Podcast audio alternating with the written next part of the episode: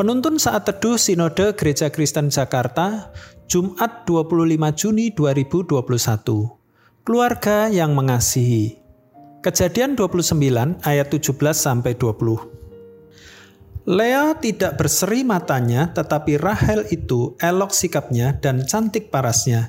Yakub cinta kepada Rahel, sebab itu ia berkata, "Aku mau bekerja padamu tujuh tahun lamanya untuk mendapat Rahel, anakmu yang lebih muda itu."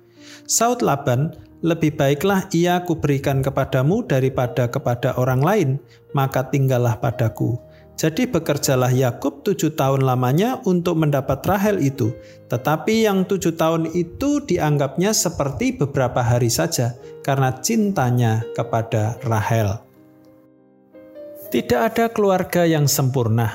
Itulah juga yang digambarkan oleh Alkitab semua gambaran keluarga dalam Alkitab selalu memiliki kekurangan. Salah satunya dapat kita pelajari dari kisah Yakub dalam membangun keluarganya.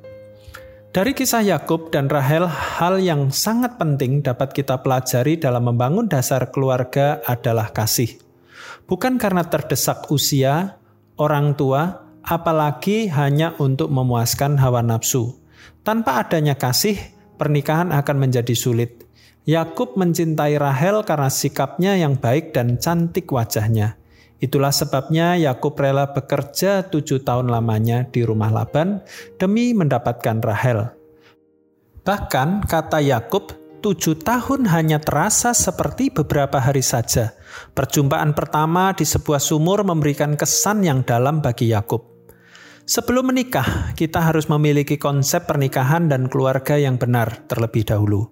Pernikahan harus sepadan, seiman, dan dilandasi oleh kasih Kristus. Dengan seiman, keluarga kita akan memiliki visi dan misi yang sama di dalam membentuk dan membangun keluarga, karir, dan pelayanan. Rumah tangga yang dibangun di dalam kasih yang sejati akan kokoh, sekalipun badai melanda. Tuhan Yesus memberkati.